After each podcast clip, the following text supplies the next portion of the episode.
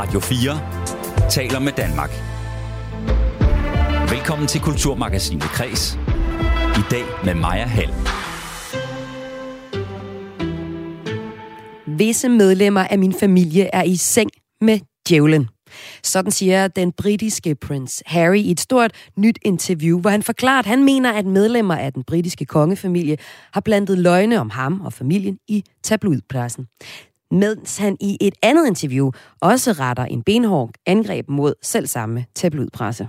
A tabloid media that literally radicalizes its readers Ja, en tabloidpresse, der radikaliserer dens læsere, siger han her. Og først i udsendelsen spørger jeg ansvarshavende chefredaktør på Se og Hør, Niels Pindborg, hvorfor den britiske tabloidpresse i hans øjne er et skræmme eksempel, og hvorfor han priser sig lykkelig for, at danskere, som man siger, er for kloge til den slags lort. I dagens udsendelse, så skal vi også se på en nyhed, der har sendt chokbølger igennem fredagshyggen. Hvorfor græder du, Sally? Hvor? Fordi hvorfor der vi se det gamle Disney show? Ja, jamen nu kommer der jo noget nyt, der hedder fredagstamtam. Tror du ikke, det bliver sjovt? Men jeg vil have det er det jo.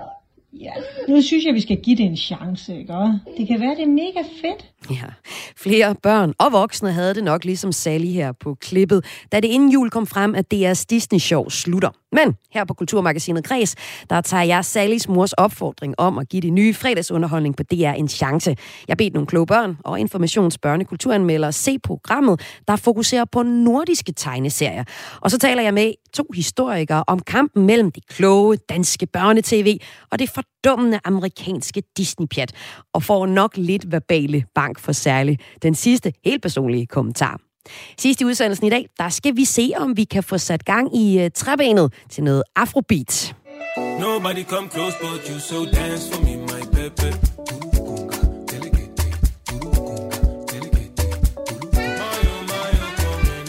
Det her, det er J.J. Paolo, og han er et eksempel på genren afrobeat, der hitter i popkulturen, hvor kunstnere som Ed Sheeran har lavet samarbejder med for eksempel den Roskilde-aktuelle kunstner Burner Boy, der sammen med Fila Kuti er på Rolling Stones nye liste over de 200 bedste sangere i verden. Jeg får besøg af J.J. Paolo, der dog fortæller, at han oplever, at vi her i Danmark stadig er ret forsigtige over for den her dansable genre. Det kreds i dag. Velkommen indenfor. Mit navn, det er Maja Hall. Radio 4 taler med Danmark. Den britiske prins Harry har et stort behov for at få sin version af spliden mellem ham og den britiske kongefamilie ud. Det er i hvert fald det indtryk, man får, når man ser på, at han først var med i et talkshow hos den ikoniske amerikanske talkshow-vært Oprah Winfrey. Så kom der en dokumentarserie i seks afsnit, Harry og Meghan på Netflix, og så har han skrevet første del af en selvbiografiserie, der udkommer med den danske titel Reserveren i øh, morgen. Samtidig har han også givet et stort opsat interview til det amerikanske nyhedsmagasin 60 Minutes og til den britiske tv-station ITV. Sidstnævnte vises på TV2 i aften, men kan allerede nu streames på TV2 Play. I interviewet der taler han ud om sit problematiske forhold til den britiske kongefamilie, og hvorfor han og hans hustru, Meghan Markle, er flygtet, som han kalder det, til USA. Og så retter han en adels kras kritik mod den britiske tabloidpresse, som han mener, at medlemmer af kongefamilien har en uheldig alliance med. You know, again, going back to the relationship between um, certain members of the family and the tabloid press, those certain members have uh, decided to get into bed with the devil right? Mm. Uh, to rehabilitate to, to rehabilitate their image. Yeah. I seng med djævlen, siger han altså om øh, folk fra hans egen kongefamilie. I interviewet med 60 Minutes, der taler han så også lige frem om, at den britiske tabloidpresse radikaliserer sin læsere. So now, trying to speak a language that perhaps they understand, I will sit here and speak truth to you with the words that come out of my mouth, rather than using someone else, an unnamed source, to feed in lies or a narrative to a tabloid media that literally radicalizes its readers Ja, og senere der taler jeg med chefredaktør på Se og Hør, Niels Pindborg, om forskellen mellem tabloidpressen i Storbritannien og i Danmark. Men først skal vi høre fra Morten Rønnelund, som øh, inden udsendelsen ringede til, det gjorde min kollega Søren Berggring Toft, og spurgte, hvad det er for en kampagne, Prince Harry er i gang med lige nu. Ja, det er det, der er det åbne spørgsmål, og det er også det, som undrer britterne, øh, både kommentariatet og den almindelige befolkning. Hvad er der med det her behov, som ligesom har stået på siden Oprah? Husk også seks afsnit på Netflix, som blev pisket op til den allerhøjeste stemning. Øh, sådan en slags dokumentar øh, indenfra. Og det virker som om, at hvis man skal komme med et eller andet gæt, at der er behov for en eller anden form for oprejsning øh, fra, fra Harrys side. Han ligesom vil have en eller anden form for undskyldning. Det, det er det bedste, jeg sådan kan, kan snuse ud af det. Det er det, der bliver fisket efter. Nogen, der ligesom indrømmer, at, at øh, de har indgået i noget øh, kritik af, af ham den anden vej, at, øh, at man har briefet pressen negativt om lige præcis Harry og, og Meghan. Altså en eller anden form for officiel undskyldning fra kongehuset lader til at være på en eller anden måde øh, endemålet. Han siger, at han gerne vil have sin familie tilbage, men det har den brede befolkning svært ved helt at få øje på. Hvorfor så øh, lufte det her øh, vasketøj ude i det åbne på den måde, som det foregår nu?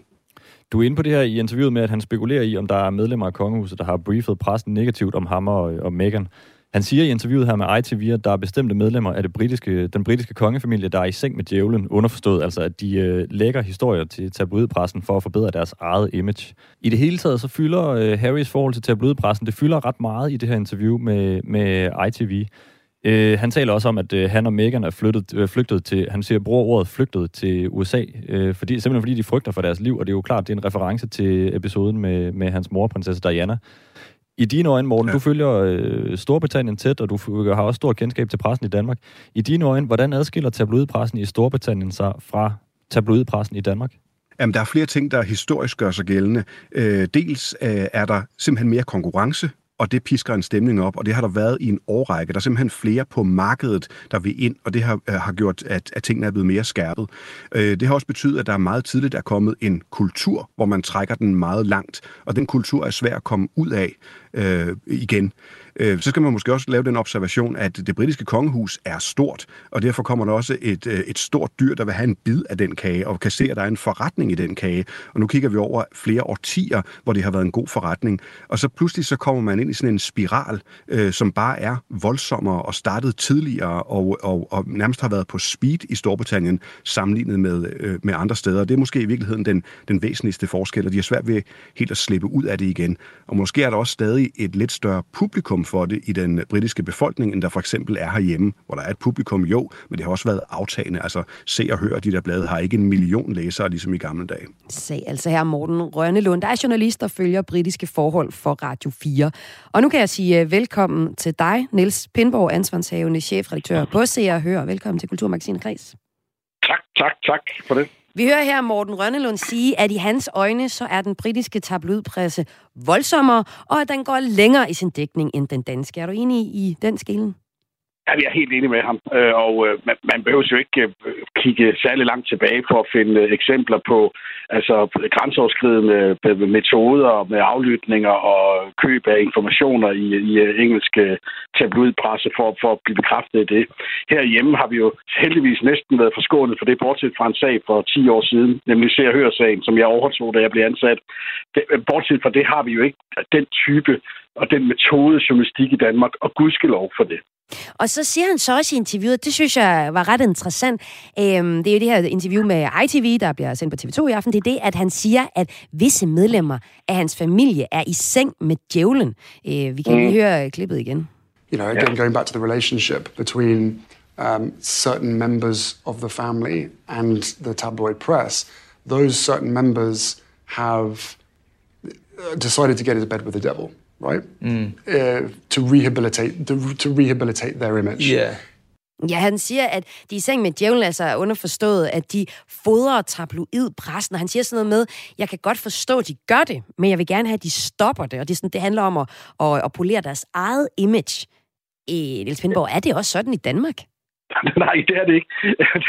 det, heldigvis er det sværere, kan man sige. Fordi en af mekanismerne i den engelske tabloidpresse er jo, at man betaler fyrstelige summer for, for information, og det gør vi jo ikke i Danmark. Det er ja, jeg sad lige inde på The Sun i dag og kiggede, og der stod der, vi betaler dyrt. Altså, de, de skrev virkelig, vi betaler rigtig godt for gode historier. Og The Sun ja, er en af de her tabloidmedier fra øh, England, ja. Og det gør vi jo ikke i Danmark øh, længere. Altså Se og Hør havde jo også for 10 år siden sådan en chip-telefon, øh, hvor man kunne få en 1000 eller 5000 for et rigtig mm. godt chip. Det kan man ikke længere. Øh, der er to grunde til det. Det ene er, at der, det er rigtig dårlig forretning, for vi kan ikke flytte det samme oplag. Altså Danmark er for lille et sprogområde til, man kan flytte så stort et oplag, som det kræver at tjene de penge hjem igen. Og det andet er, at det kan godt være, at det motiverer folk til at sige ting, som måske egentlig ikke skal ud nogen steder. Og, og øh, sådan er virkeligheden jo også. Det er jo ikke alt, der skal ud. Men, men hvad øh, med det, det her med forholdet til, til kongehuset? Altså, er der nogen, der, Jamen, jeg, der jeg, jeg, jeg, jeg, jeg vil da gerne have en kilde, som kunne fodre mig med insiderhistorie for kongehuset i Danmark. Det har jeg desværre ikke. Øh, og øh, jeg tror, det handler om flere ting. Jeg tror, det handler om, at danskere skal op, opføre sig ordentligt, og, og det skal de blive ved med. Og så er der ikke det incitament, heller ikke et økonomisk incitament til at gøre det. Øh, for, det er vel ikke for, for penge, der er på spil i, øh, blandt de britiske og det vil det jo også være. Ja, Hvis man nu for eksempel husker tilbage på, øh, da Meghan og Harry skulle giftes i sin mm. tid, der var der jo historie ud om, at Meghans egen far havde scoret 100.000 vis af dollars for at få taget fake billeder øh, af tabloidpressen. Øh. Så, så, så, så det er enorme summer, øh, som vi slet ikke kan være med på øh, i, øh, i, i Danmark, og heller ikke skal være det. Når det overhovedet kan lade sig gøre at have sådan en tabloidpresse, så er det fordi, at England er et mere klasseopdelt øh, samfund. Og, og jeg sagde, da jeg blev præbet, og du har selv sagt det her op til interviewet, altså danskerne er simpelthen for kloge til og, og, og vil finde sig og se sådan noget smuds der. De vil gerne have de gode historier. Altså, Også når du siger Harry. for kloge, er det så, er det så for at charme den mulige læser? Altså, er det fordi, du mener, Nej. at... Øh, altså, er det reelt set, fordi du mener, at, at danskerne har større, højere uddannelsesniveau end, øh, ja, end englænder? Det kan man se på den måde. Det, det, engelske, det engelske samfund er et meget mere klasseopdelt samfund, og det kan du se på den måde, pressen er på. Der, hvor Harry bare retter bager for smed, det er jo, at nu, hvor bogen kommer, hvor interviewet kommer øh, lige om lidt, der er det jo ikke kun tabloidmedierne, der kaster sig som i øh, rovdyr over ham. Det er jo også The Times, og det er også øh, Guardian, øh, som jeg tror i ovenikøbet var nogle af de første, Guardian, som jo var, med, var nogle af de første til overhovedet at beskrive den her bog. Øh, så, så, så det, er den, det er den samlede presse lige nu, han er op imod. Jeg vil sådan set give ham ret, og vi kan jo bare kigge tilbage på historien om Diana i sin tid for efterhånden mange og flere årtier siden, der var den engelske tabloidpresse jo et dumt svin. Altså, der blev brugt nogle metoder, der var paparazzi i stor stil, øh, og, og efterfølgende har der været skandaler om, der er blevet brudt ind, der er blevet hacket, der er blevet alle mulige ting, øh, og betalt embedsmænd for oplysninger og sådan noget. Men, og der kan han have en pointe. Men, men, men nu retter han bager for smed, for det er en samlet presse, og en ovenikøbet global presse, som kaster sig froden over Harry og Meghan efter de her udgivelser. Hmm. Du, du siger, at tabloidpressen i øh, Danmark gudske lov ikke bruger samme metoder. Hvorfor siger du gudskelov? Nej, fordi at vi er, danske medier er heldigvis vi er meget, meget reguleret. Altså, vi har jo de samme lovgivninger, som alle danskere har, og så har vi jo en medieansvarslov, som gør, at vi skal opføre os ordentligt. Og det manglede bare. Øh, man kan få informationer på mange måder, øh, uden at øh, gå over stregen, og uden at, at, at, at snyde på vægtskålen. Og øh, det er de metoder, vi må bruge. Hvis du har et samfund, hvor du ikke kan være sikker på, om når du siger noget, at det bliver optaget og solgt til et højst bydende og sådan noget, så bliver det, det bliver et rådent sted, og det er i hvert fald et sted, jeg ikke ønsker at være. Men tak, fordi du var med her i Kulturmagasinet Kreds, Niels Bindborg. Altid velkommen ansvarshavende chefredaktør på Se og Hør, og var altså med til at give et perspektiv på de interviews, den britiske prins Harry har givet i forbindelse med hans nye selvbiografi, der udkommer i morgen. Og er i formtalen af den her øh, 576 sider lange bog, som bare er den første i en serie af selvbiografier, der øh, har, den har allerede trykket overskrifter med detaljer om, at prins Harry har dræbt 25 mennesker som soldat, at han har taget stoffer og været i slagsmål med sin bror. Hvis du gerne vil se det her interview, der er blevet lavet til ITV, det britiske medie, så kan du finde det på TV2. Øh, de sender øh, live i aften, og ellers kan du finde det på TV2 Play. Om lidt her i Kulturmagasinet Kreds, der ser vi og stempler ind på Ukraine. Der sker en hel del der øh, hele tiden, og også for tiden. Det, og vi skal se lidt på den øh, ukrainske kulturarv. Da krigen i eks-Jugoslavien, for at tage et perspektiv, hervede tilbage i 90'erne, blev den ikoniske bro i den bosniske by Mostar bombet for at sende et signal til byens indbyggere. Den her bro, der forbinder to sider af, af byen Mostar, blev smadret, fordi på den måde at vise, altså at nu skal befolkningen til at leve hver på sin side af, af, af floden, og de skal have hver sit liv, og de kan ikke leve sammen længere. Men kulturarv og identitet hænger uløseligt sammen, og derfor var broen også det allerførste, der blev restaureret, da krigen var forbi, og Mostar skulle genopbygges. Så har vi så krigen i Ukraine, og her er det også interessant at se på, om kulturarv kommer til at blive prioriteret højere måske en øh, reetablering af boligområder. Og det skal det handle om øh, senere i udsendelsen i dag. Men først skal vi se på øhm, amerikansk versus dansk børne-TV. Du lytter til Kulturmagasinet Kres på Radio 4.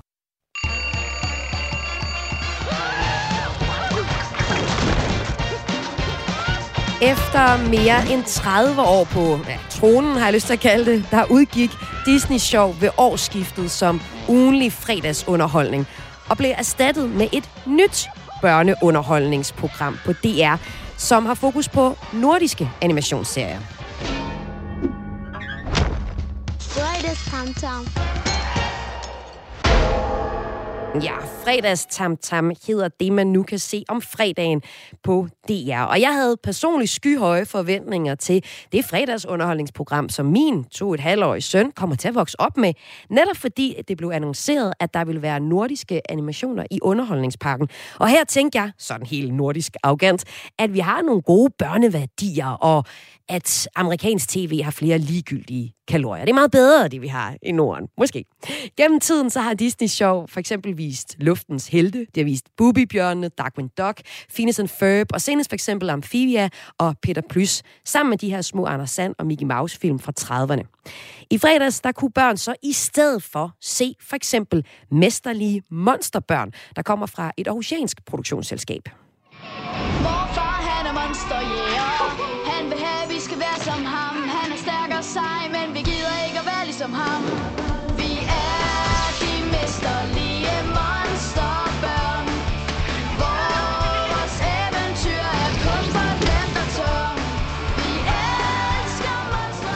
Om lidt så får jeg besøg af to historikere, der kan sætte ord på det ambivalente forhold, mange danskere har haft til amerikansk tv, hvor danskere har rejst for at få lov til at se amerikanske film, og omvendt, ligesom jeg udtrykker her, har været kritisk over tomme amerikanske kalorier. Men først så skal vi have dommen over det nye fredagstamtam. Vi skal høre fra Informations børnekulturkritiker, men inden da skal du høre fra nogle børn selv, og de er ok tilfredse. Først skal vi høre fra Vika og Sally Bunde Ågård på henholdsvis 8 og 5 år, og deres mor Emilie Ågård. Hvad siger I så til det, Pia? Jeg synes, det var rigtig sjovt. Også mig. Jeg synes også, det var rigtig sjovt. Sjov en Disney Show. Mm, jeg synes, det var lidt sjovt. Det er sjovere. Det. Også mig. Jeg synes, det var rigtig spændende prøve noget nyt, og øhm, det var ikke ligesom øhm, Disney Show eller sådan nogle tegne, små tegnefilm. For eksempel Mickey Mouse og eller Sand og sådan nogle, man kender. Skal vi se det næste fredag? Ja. Ja. Skal vi have slik til? Ja. Ja. Ja, selvfølgelig skal vi have slik til.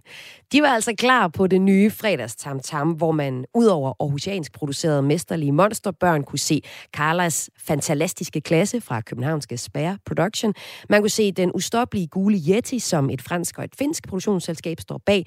Og så kunne man også se en rigtig gammel kending i en amerikansk serie om musen efter katten, Tom og Jerry. Og øh, det var den næste børneanmelders favorit, altså Tom og Jerry. Du skal nu høre fra Johans Sonne Hardenberg på 6 år, som efter fredagstamtam taler med sin far, Esben Hardenberg, om showet. Johan var lidt mere kritisk over for DR's nye fredagstamtam, men synes alligevel, at det var bedre end Disney Show. Og én ting var det bedste, og det var jo altså... Tom og Jerry. Tom og Jerry synes, du var det bedste? Ja. Kan du forklare, hvorfor? For eksempel, altså, jeg han tager måske sådan en starpen smækker, tager vi i hovedet. Mm, ja. Jeg kan bare godt lide, altså, der var sådan nogen, der kommer til skade, og ja, det kan bare meget godt lide. Okay. I næste uge, altså når det bliver fredag igen, ikke? Hvad tænker du der? Har du lyst til at se fredagstamtam, eller har du lyst til at se en film, eller har du lyst til at spille, eller hvad, hvad vil det være det hyggeligste at lave? Øhm, se en film med en helt kæmpe stor skud slik og sådan, ja. Okay, så du tænker næste fredag, er det så hellere film end fredagstamtam, eller er det mere fredagstamtam? Her film. Nej, nej, nej, jeg ved det ikke helt. Jeg ved det ikke. Det var de tre børneanmeldere, der overordnet set er ret tilfredse med DR's nye fredagsbørneprogram. Men øh, hvad siger kulturkritikeren Anita Brask Rasmussen fra Information? Velkommen til. Tak skal du have. Overordnet, som børnekulturkritiker, som du er her i Kulturmagasinet Kreds i dag, hvad siger du så til øh, fredags tam tam? Kunne du lide, hvad du så? Det kunne jeg overordnet godt. Øhm, jeg synes, at det var nogle øh, sjove øh, og øh, også øh, interessante nye bud på, på serieanimationer. Øhm, jeg synes især den, der handlede om Carlas fantastiske klasse, var ret sjov. Øhm, og det synes jeg, fordi at, øh, at den adskilte sig ret meget fra de to andre af, af de nye producerede øh, serier deri. Øh, simpelthen fordi den var også en lille smule grotesk. Der så på et tidspunkt handler om Carla, øh, som er en kylling, som går i klasse med alle mulige mærkelige øh, former for, for antropomorfiserede både ting og dyr. Øh, og hun har sådan en konkurrence kørende med gormen, øh, ormen gorm, det er svært at sige sig selv. Øh, og så siger hun på et tidspunkt, jeg spiser orm som dig til morgenmad. Og det synes jeg simpelthen var så hyldende morsomt. Fordi det gør en kylling jo. Ja. Men det er jo ikke noget, vi plejer at, at synes, de gør, når vi ser dem som forklædte børn i tegnefilm. Og det synes jeg, hvis, hvis der kommer mere af den slags i uh, fredagssamtam, så uh, begynder jeg at glæde mig. Fedt. Og øh, noget af det nye i fredagstamtam, eller ved det her øh, nye øh, DR øh, fredagsunderholdning til børn, ja, det er, at øh, hvor Disney Show, der var der amerikanske produktioner, ja, så er der her i fredags Tam Tam animationer, der kommer fra produktionsselskaber i Aarhus, København. Der er også et fra øh, Frankrig, øh, Finland, og så er der et fra USA, og det er så Tom og Djerge. Hvad siger du til det her øh, mix af mere nordisk indhold? Var det noget, du kunne se, da du så fredags Tam Tam? Altså, jeg synes, jeg, jeg vil gerne lige gøre forskel på Disney og så amerikansk, og jeg tror, det er lidt der, DR går galt i deres måde at arrangere programmet på, fordi det at sige, at noget er, altså, at Disney er ikke ens betydende med, øh, eller ikke ensvarende med, hvad amerikansk serieanimation er i dag. Øhm, amerikansk serieanimation er i dag utrolig mange andre ting end de der rigtig gode Disney-film og de forskellige spin-offs af de Disney-film, vi kender. Øhm, og øh, så det er for eksempel alle mulige andre øh, sjove, særligt meget ironiske, sarkastiske øh, serier, vi kender fra USA, øh, som ikke nødvendigvis er Disney, men som er fra Nickelodeon eller Cartoons Network eller no, andre af den slags konkurrerende tjenester. Og øh, det synes jeg er ret vigtigt, fordi de der, øh, både den dansk producerede fra Ja-film, som hedder øh, Mesterlige Monsterbørn, og den finske, der hedder øh, den ustoppelige gule yeti, er faktisk ret amerikansk i deres udtryk. Og det synes jeg egentlig er fint. Altså det kan jeg ikke se, hvorfor det skulle være noget problem. Øhm, men det gør det, er det jo lidt selv til, når de gerne vil lancere det som noget, der har afsæt i dansk og nordisk kultur. Altså det må jeg sige, det kan jeg faktisk ikke rigtig se nogen steder.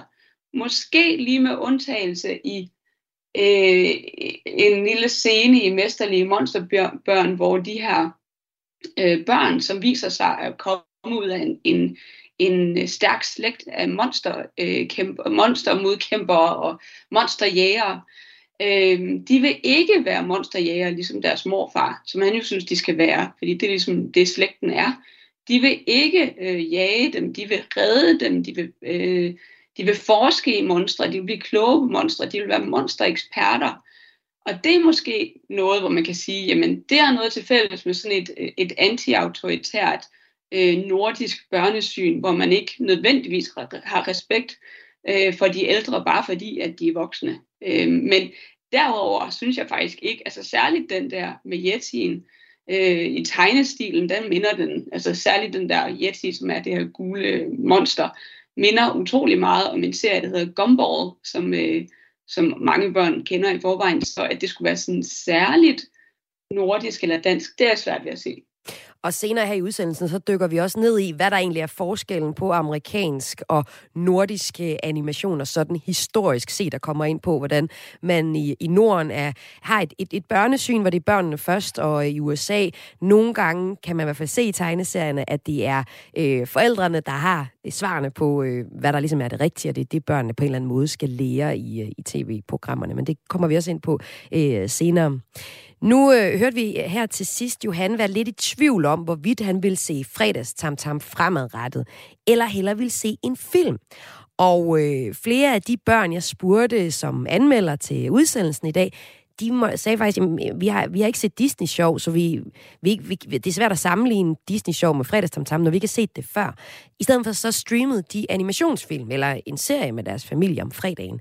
Øhm, Anita Brask Rasmussen, nu er du selvfølgelig øh, kulturkritiker, men hvordan ser du egentlig det her nye tilbud komme ind på et streamingmarked?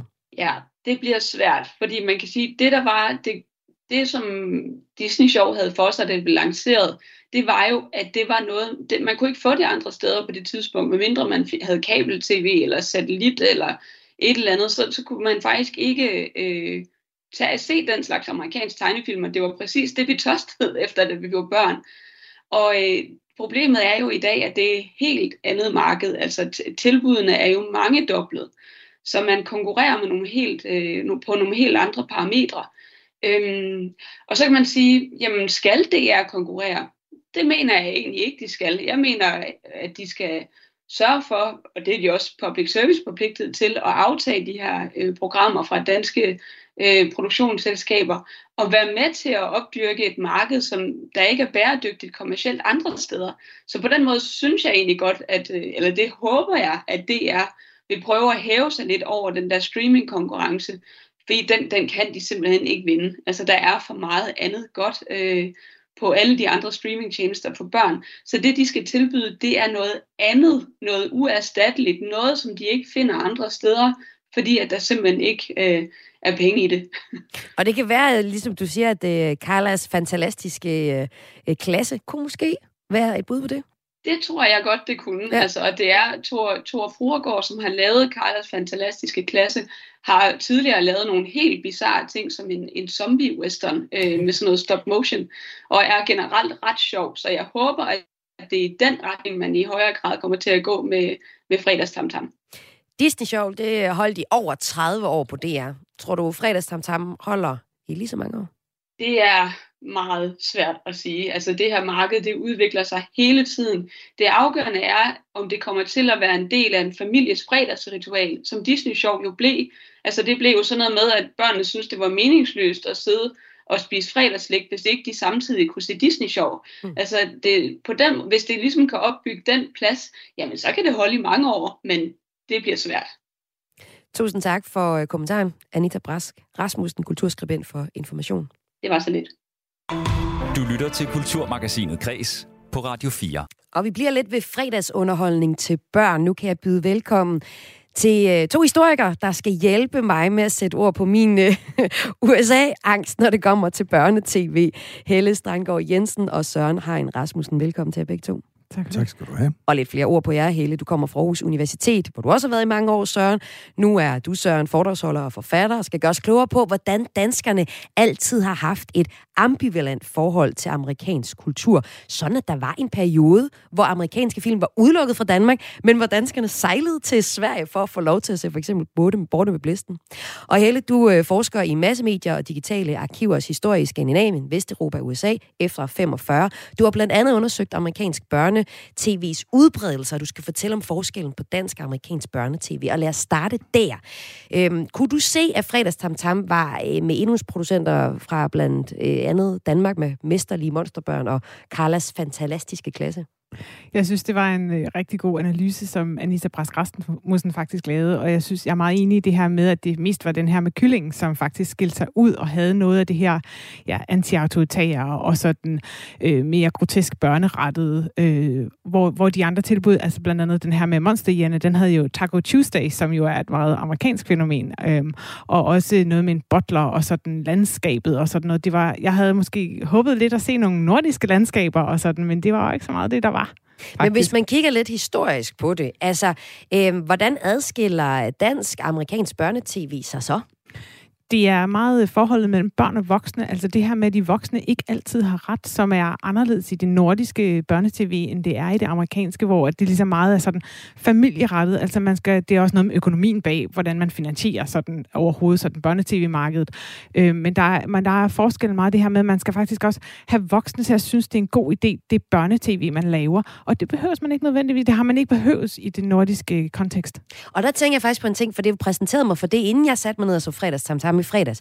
Og der tænkte jeg nemlig over det med mesterlige og monsterbørn. Der var der sådan noget med, at børnene, de, havde, øh, de var ligesom hævet over ham her, morfaren. Altså, de var ligesom sådan, vi har regnet noget ud, du ikke har regnet ud. Han blev ved med at sige, åh, børn er så sjove, så sjove, de har så mange skøre idéer. Men man var jo som ser klart på børnenes hold, og var jo sådan, men det er jo jer, der har regnet den ud. De der monstre, de er måske ikke så onde, som jeres morfar monsterjæger går og tror, de er. Der synes jeg faktisk, jeg kunne mærke noget af det, du øh, fortalte der. Ja, det kan man godt sige, at det ligger i en lang tråd, den tradition, altså, som starter fra Sonja fra, Sonja fra Saxogade, ikke? som jo også siger sin mor imod hele tiden, og de andre voksne. Så øh, der kan man sagtens trække nogle lange tråde tilbage.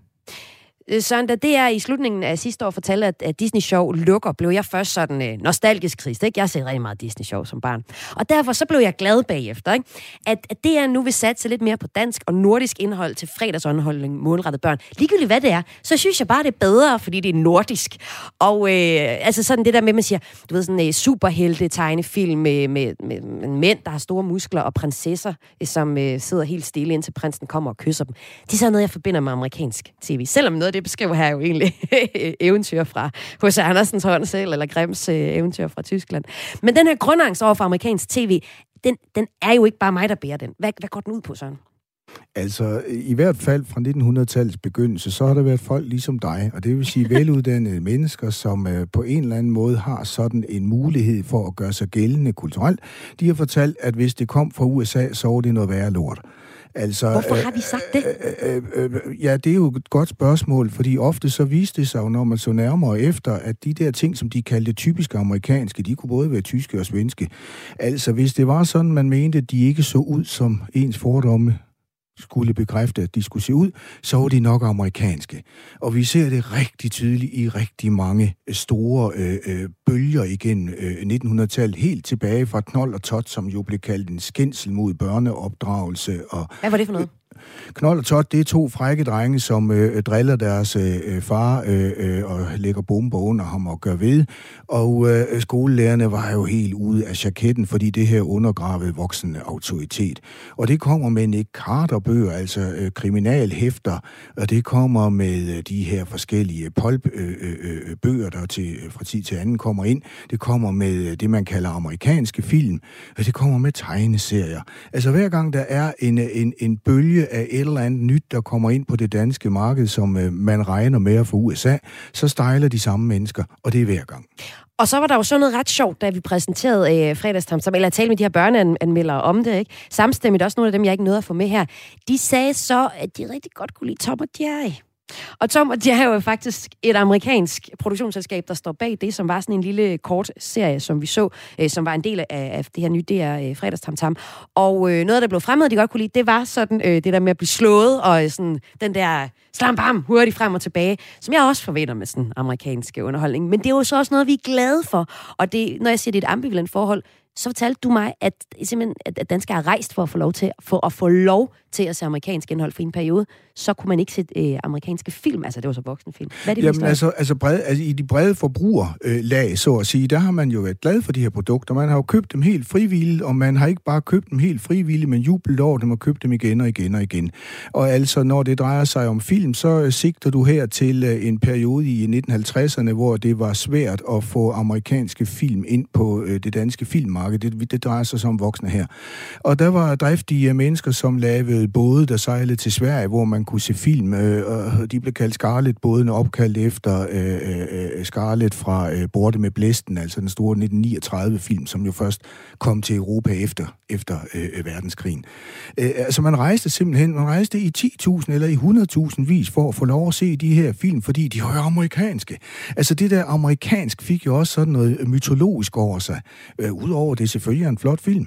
I hvert fald efter datidens normer, ikke? Og så øh, kunne jeg godt tænke mig at høre her til sidst begge to, Helle Strandgaard Jensen og Søren Hein Rasmussen. Nu er I jo historikere, I ved, hvordan vi i fortiden var bange for alt muligt, som så viste sig måske egentlig at være helt okay. Altså tegneserier har det Øh, bedre og bedre og bedre, også i Danmark, når jeg taler med, med den afdeling. Så øhm, kunne jeg godt tænke mig at høre, er det i grunden lidt dumt for DR at droppe amerikansk altså tv? Altså, metaforisk kommer vi så til at sejle over på Disney+, Plus, fordi vi gerne vil have det. Hvad tænker I? Jeres bud til sidst, Helle?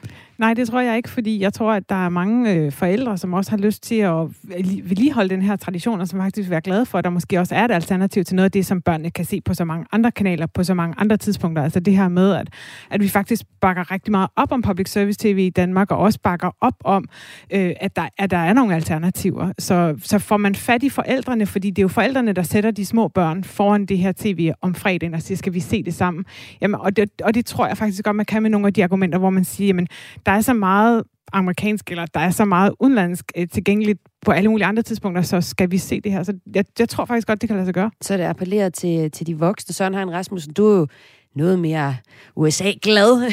tror du, det er dumt, at det er at droppe amerikansk tv? Jamen, jeg ved ikke, om jeg synes, jeg er USA-glad. Jeg bemærker mig bare, at øh, folk har ville have det her. Og når I nu jubler over øh, øh, fredags tam tam, ja, så lægger jeg også mærke til, øh, at øh, kritikeren siger, jamen det har jo sådan set en amerikansk fortællestil, altså en Hollywood-fortællestil, kan vi jo sige, indbygget i sig. Altså, jeg synes, det er fint, at der er et øh, bredere udvalg. Jeg kunne godt tænke mig, at man måske præsenterede noget fra Japan, fra... Mm Indien, fra Østeuropa, så vil vi jo få bredde på sagerne. I øjeblikket, der ser det for mig ud, som om vi viser Disney Light. Det er dansk, det er produceret af ja-film i Aarhus, og så jubler vi. Men det ligner jo egentlig det der, øh, det skulle gøre op med. Sådan lød det fra de to historikere, jeg havde med her i Kulturmagasinet Kreds, øh, Helle Strangård Jensen og Søren Hein Rasmussen. Tak fordi I var med. Tak fordi I var med. Selv tak. Og øh, det er de altså, fordi at DR nu har skiftet Disney Show ud med Fredags Tam Tam, hvor der er fokus på landet, blandt andet på mere nordisk indhold. Og Fredags Tam Tam, det kan ses øh, hver fredag kl. 19 og streames på DR.dk. Altså det kan ses lige, når man vil. Om øh, lidt så skal vi have gang i nogle afrikanske rytmer, når vi ser nærmere på afrobeatet, en genre, der hitter i popkulturen, med Nigeria som stor eksportør af genren, med Roskilde Aktuelle Burner Boys som et eksempel på det. I Danmark er man så stadig lidt mere forsigtig over den her ret dansable genre. Det fortæller musiker J.J. Paulo, der selv laver afrobeat-musik og kommer her ind forbi. Men inden da, så skal det handle om, hvordan krigshærede nationer genopbygger deres kulturarv. Du lytter til Kulturmagasinet Kres på Radio 4. Kort efter nytår, der blev en skøjtehal i den ukrainske by Drushkiva Kivka eh, ramt af russiske missiler.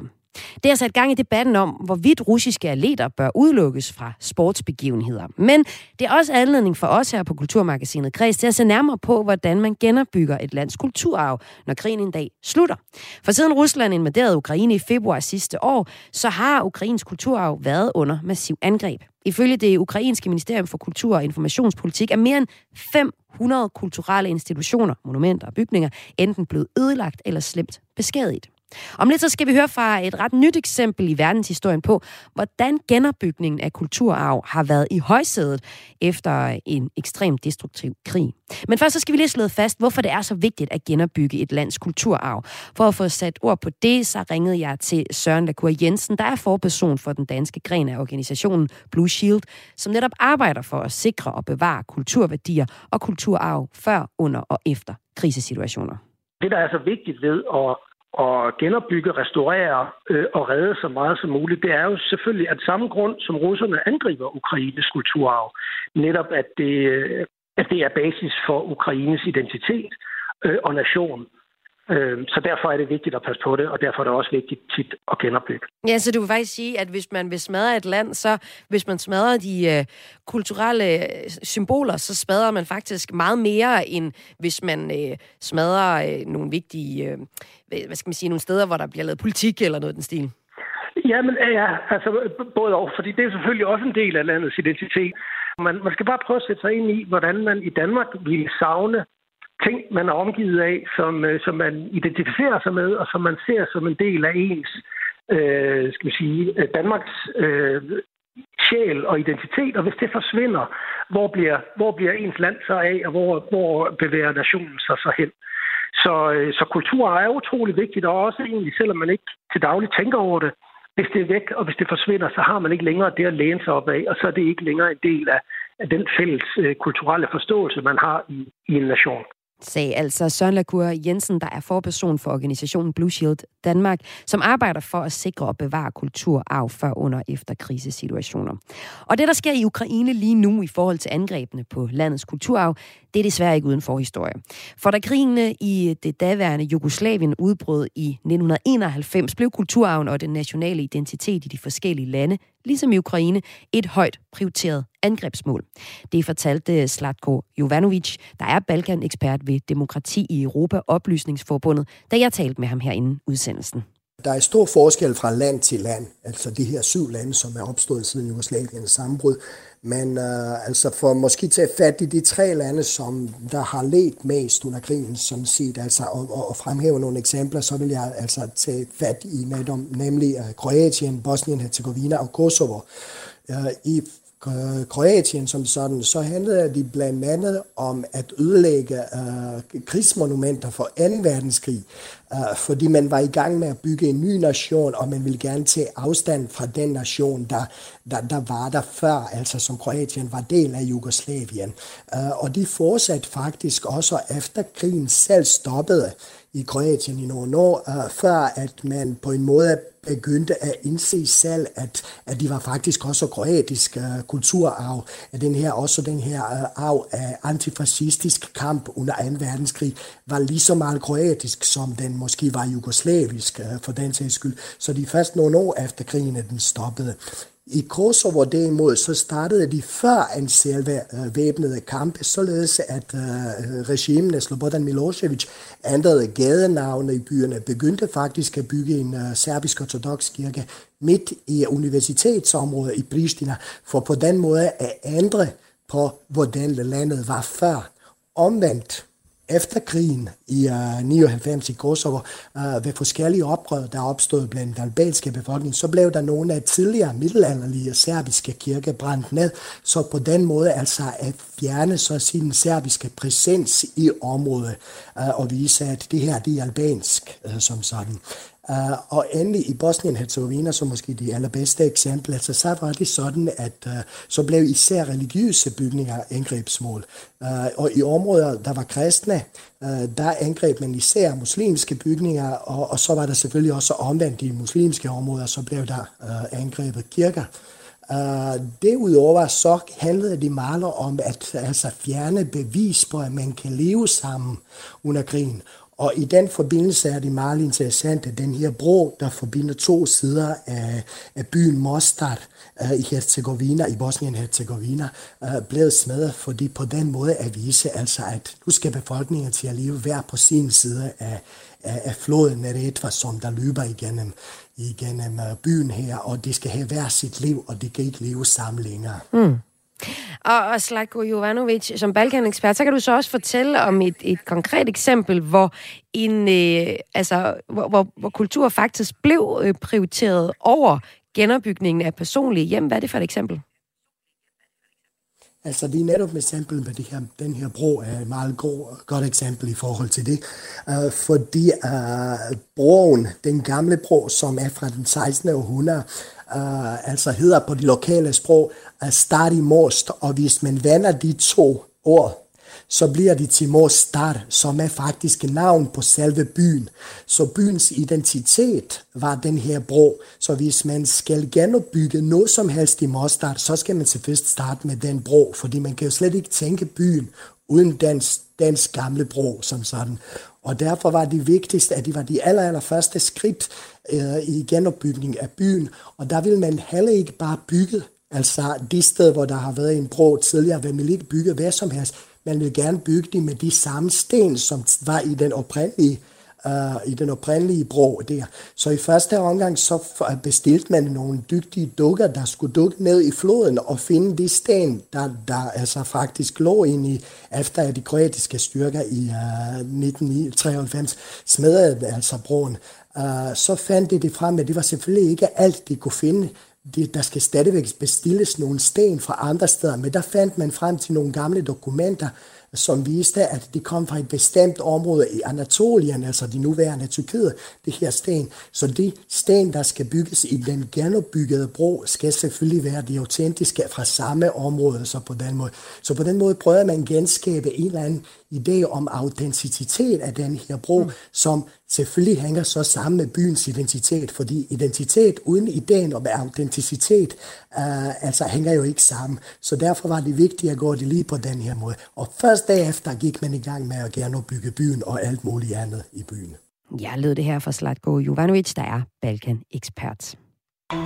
Du lytter til Kulturmagasinet Kres på Radio 4.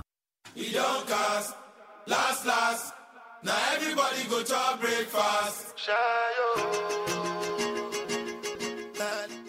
Det her det er starten på et nummer fra Roskilde Festival aktuelle Burner Boy, der excellerer i genren Afrobeat, som er en genre, der hitter lige nu i popkulturen. Og når vi har hørt lidt mere Burner Boy, så kan jeg byde velkommen til en dansk kunstner, der er inspireret af ham, men oplever, at danskerne stadig er lidt forsigtige over for den her ret dansable genre. Nothing to discuss, oh, cause I did win by default and without any doubt. Oh, I'm a me happy adult, oh, I no go feed the girl, I no go feed the girl is out, oh, I'm a mind that's with the talk, oh, I put my life into my job and I know I'm in trouble. She manipulate my love, oh, mm, I know holy and I know that get both like the Frayo. JJ Paolo, a.k.a. Jolan Johan Paolo. Velkommen til Kulturmagasinet Kris. Tusind tak, tusind tak. Jeg står, jeg står og danser herovre i København. Ja, jeg det elsker det du. nummer der. Det er så lækkert. Lars, Lars. Lars, Lars. Eller som vi siger i Danmark, Lars, Lars. Ja, det troede jeg også, du sagde til at starte med. Øh, Jolan, du kom til, som lille med din far øh, til Danmark fra Tanzania i midten af 90'erne. Du havde din musikalske rullekuffert fuld af afrobeats, og her om øh, to øh, små uger, så skal du præsentere din musik på branchefestivalen øh, Eurosonic, den internationale version af branchefestivalen Spot Festival, kunne man sige, hvor du skal præsentere det for nogle bookere. Der er forhåbentlig booker der hele vejen rundt. Yes. Og øh, det skal vi, øh, vi skal høre noget af den musik, du laver, og du skal forklare os, hvad det er for en genre, for den larmer ret meget i popkulturen lige nu. Vi har kunstnere som Ed Sheeran, der rigtig gerne vil samarbejde med afrobeat-kunstnere. Hvad kan du godt lide ved den her øh, genre? Jamen, jeg, jamen jeg, jeg elsker jo... Hvad kan man sige? Nu kommer jeg også, øh, som du lidt var inde på, det med, at da jeg kom til Danmark øh, i midten af 90'erne, der var det med en kuffert fyldt med, med afrikansk musik og, og, og, og det, man i dag ligesom kan kalde for, for afrobeat. Og det er, jo, det er jo det der med, at jeg har dyrket Sukuma, traditionsrig Sukuma-kultur hele mit liv, så jeg har ligesom bare fået den med, med modermælken. Det her med, at man, man danser og lytter til afrikansk musik, det, det, det var jo næsten en måde at tale på i sin tid. Ikke? Altså, hver, hver en bevægelse øh, var ligesom et ord. Øhm, og det, det er lidt det, der ligesom sådan introducerede mig til, til selve sådan den traditionsrige afrikanske musik. Da jeg så senere blev ældre, øh, så begyndte jeg også at lytte til sådan noget som, som Fela Kuti og Burna Boy, og jeg tror noget af det, som jeg ligesom faldt over til at starte med, det var den her ærlighed, der var i, i selve sangene. Mm. At man simpelthen kunne synge om noget som, så vanvittigt som korruption, men få det til at lyde dansevenligt og Ja, for politik be- betyder ret meget øh, i den her genre også. Ja, ja. ja det, det gør jeg bestemt. Det er speci- Og nu nævner du øh, Fela Kuti, og når man øh, siger Fela Kuti, så siger man, at han er pioneren inden for Afrobeat. Og sammen med Burner Boy, så er de faktisk begge to på Rolling Stones øh, nye liste over top 200 bedste øh, sangere. Ja, det er vildt. Og det lyder sådan her, når Fela Kuti siger, laver nummeret Water, No Get Enemy. Øhm, jeg troede faktisk kun, at Afrobeat levede i Fela Kutis øh, familie, hvor både barn og barnebarn dyrker den her genre i deres musik. Ja. Men øh, jeg kan jo se, at øh, det hitter sådan bredt set. Altså, hvis vi nu skal spille et nummer, som øh, øh, Burner Boy har lavet sammen med øh, Ed Sheeran, så lyder det sådan her.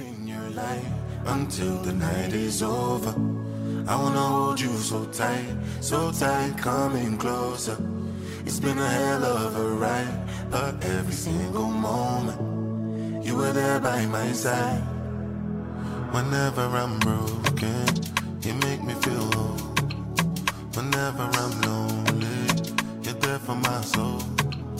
Wherever you are, girl, that's where I call my. Så, med den med det eksempel her, så kan vi jo i hvert fald fortælle, at, det, at øh, Afrobeat er noget ind på hitlisterne, og også bare som bønderborg, men også i samarbejder med andre store popkunstnere.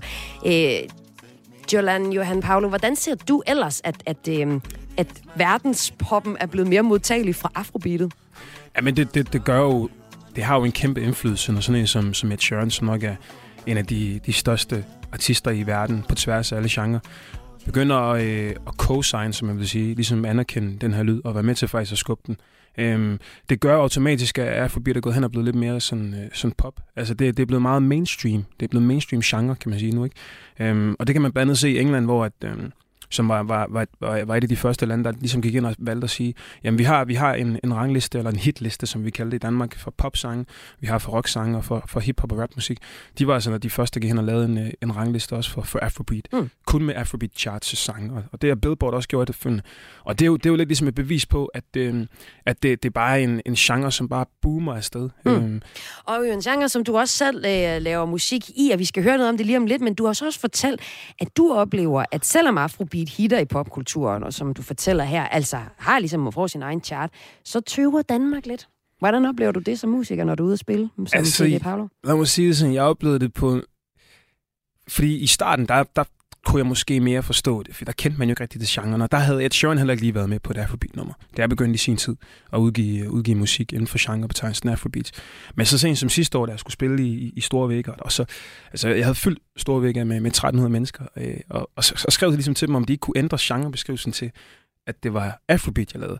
Øh, Hvad hed det? Hvad kaldte de det? jeg, jeg tror, det hed rap eller hiphop, mm. øh, der, som den genre. Og det er jo, det er jo jeg har haft mange genrebeskrivelser. Jeg, jeg har også lavet dancehall åbenbart, og elektronisk popmusik.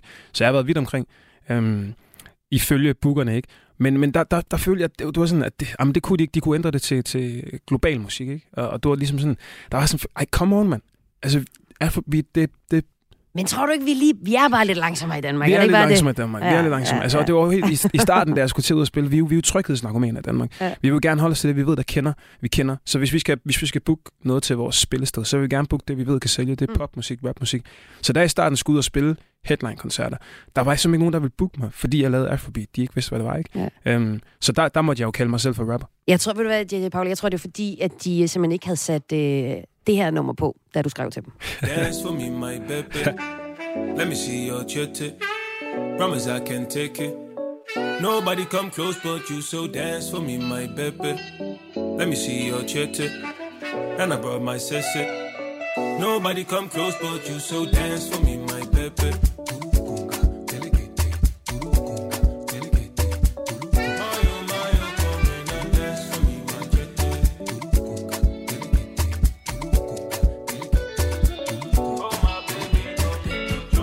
Only guy that's for my baby. up in my baby, way. pull up to my posse. Let me tell you when I go stage, can no talking. Papa told me now I'm destined. I will be there if you come for me, test. My side will be my heart, you can take it. Dance for me, my baby. Let me see your jet. Ja, det vi hører her, det er My Bebe med JJ Paolo, og ham har jeg i studiet her i Kulturmagasinet, Jolan Johan Paolo. Øh, det her nummer fornemmer jeg ikke handler så meget om politik, som jo ellers er noget, som man blandt andet laver sange om. Ej, det, det gør det. Det gør Kan du ikke fortælle dem, hvad det er for et nummer? Jo, men det er jo, det er jo et nummer, der hedder Dance my baby, og det, det, er jo, det er jo også det, jeg elsker ved Afrobeats. Netop det her med, at, det, at der bliver lagt så meget op til, at man bare skal danse og, og, og, og føle den der vibe. I, I Vesten, der laver man lidt sange på en måde, hvor man går rigtig meget op i, i lyrikken også. Mm. Og nu, nu, nu spillede du nogle af Burner Boys sange. Jeg tror, det er de færreste sange, du hører, som Burner Boy har lavet, hvor du faktisk forstår alt, der bliver sagt. Og det er jo det, er jo det der med Afrobeat. Man, man, man er ikke 100% fokuseret på, at man skal skrive en, en tekst, som kan vinde en, en, øh, en Oscar, men man er meget fokuseret på, at melodien skal være catchy, og beatet skal være, øh, beatet skal være lige så catchy. Ikke? Ja, så er der nogle instrumenter, der spiller en rolle, og du har taget Ja. med. Ja, lige præcis. Jeg øh, har taget en, øh, en, en bonungule-tromme med. Øhm, og det er jo sådan, nu skal jeg selv ud og spille nogle, nogle store ting, som er nu Sonic. Og, øh, og der, der kommer vi til at køre sådan noget, hvor vi, øh, vi tager sabat-trommer med, som er sådan vestafrikanske trommer. Det her, det er godt nok ikke en vestafrikansk tromme, den kunne jeg ikke lige bære på min cykel. Men Nå, det de er store, eller hvad? De er rimelig store, Okay. øh, nogle af dem. Og hvad så Ja. for en, du har der? Prøv lige Jamen, det er, det er en bonungule-tromme, som øh, er fra Østafrika, Tanzania, hvor jeg kommer fra. Og det er, det er sådan som tromme, man slår på med hænderne. Øhm, og vi kalder det sådan for hulepindsvinedansen. Så det er, jamen det er jo helt, og det er jo, jeg elsker det der, og man skal næsten gå ind og google det efterfølgende. Så man skriv Utamaduni på YouTube, for så kan man se nogle af de videoer der. Det, øh, det går ikke, det går ikke øh, stille for sig. Og det er jo så, øh, du siger jo så, at det er, ja, lad os lige høre lidt. Trum lige lidt. Jamen, klar? Jeg, stiller lige, jeg retter lige mikrofonen til. Ja, det gør den. Og det er jo altså så en øh, tanzaniansk tromme. Og det er faktisk en meget væsentlig pointe. Afrika er jo et gigantisk kontinent, og øh, du laver så den slags øh, afrobeat, hvor du er inspireret af Tanzania, hvor du kommer fra. Der er også Nigeria, som er en af de helt store eksportører af øh, afrobeat-kunstnere. Og øh, Jolan, jeg har faktisk lyst til, at vi slutter nu, for jeg vil godt spille ja, en lille smule mere af din musik, for øh, dig, der lytter med i den anden ende. Men tusind tak, fordi at du var med her i Tak for, at jeg måtte Kulturmagasinet være. Kreds. Tak for, at være. Det var altså JJ Paolo, som jeg havde med her i Kulturmagasinet Kreds, som ellers hedder Johan, øh, Jolan Johan øh, Paolo. Men øh, lad os slutte med noget af Afrobeat-musikken, som JJ Paolo laver. Her er det Joram. I became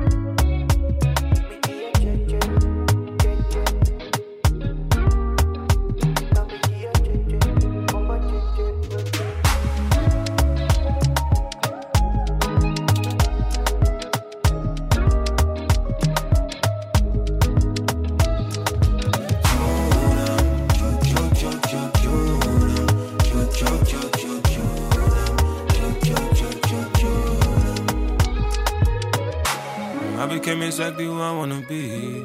They never believed, now they kiss my feet. Never like my swag, now they swagger like me. Never like my sound, now they sounding like me. Yeah. Come, come, come, come first. Come, come, come on up, come, Ja, det var Kulturmagasinet Græs her på Radio 4 ved navn.